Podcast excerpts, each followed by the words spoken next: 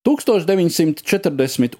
gada 27. maijā laiks Prāgā bija lielisks, saulains un pavasarīgi silts, un iespaidīgais melnais Mercedes, kas ap pusvienpadsmitiem no ziemeļu puses tuvojās pilsētas centram, brauca ar nolaistu jumtu. Auto numura zīmi rotāja ne ar ko nesajaucamie zibensveidīgie burti SS un numurs 3. Pie stūres esesietis ar divām zvaigznītēm uz zīmotnēm Oberšārfīrers Kleins, bet aizmugures sēdeklī vīrs SS Obergruppenfīrera uniformā ar iezīmīgi izstieptu seju, plānām lūpām un caururbjošu skatienu. Tas bija Reinhards Heidrichs, nacistu reiha galvenās drošības pārvaldes RSHA šefs un tobrīd arī Bohēmijas un Morāvijas reichs protektors, būtībā neierobežots diktators šajās vācu okupētajās Čehu zemēs.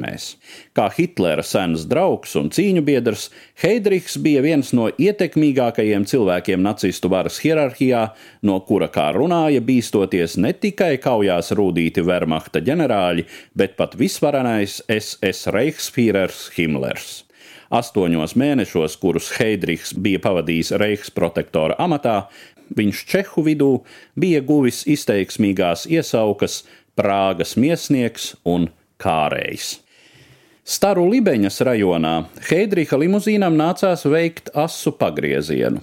Tūlītais tā mašīnas priekšā uz ielas iznāca cilvēks bijušais Čehoslovākijas armijas rotmistrs un Britu īpašo operāciju pārvaldes aģents Jozefs Gapčiks. Viņš pavērsa pret braucējiem STEM sistēmas mašīnu pistoli, taču tā iesprūda.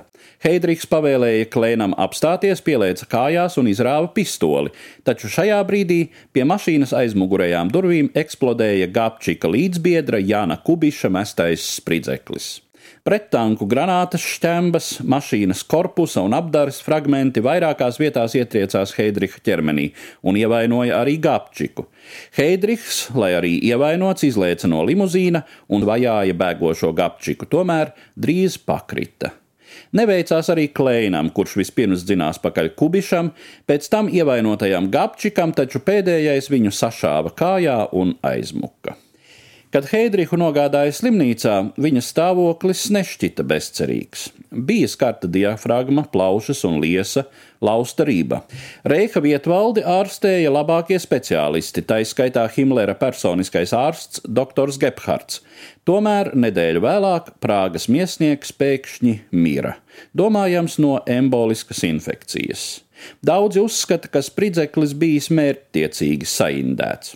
Jūnija vidū vāciešiem izdevās atklāt Heidriha nogalinātāju slēpni. Nevienlīdzīgā kaujā pret 700 esesiešiem Gapčiks, Kubišs un vēl pieci viņu cīņu biedri krita. Tā noslēdzās operācija, kurai Britu īpašo operāciju pārvalde bija devusi spilgto nosaukumu Antropoīds. Laikam gan ne britu diversiju plānotāji, ne Čehoslovākijas trimdas valdībam nebija rēķinājušies ar hitleriešu sarīkotajām atriebes akcijām. Sākumā Hitlers grasījās izvērst īstu genocīdu pret čehu tautu un tikai apsvērums, ka tas ietekmēs Vācijai tik svarīgo Čehijas militāro rūpniecību, lika viņam apdomāties. Tomēr apmēram 13,000 čehu tika arestēti un apmēram 2,000 nogalināti atriebes akcijās.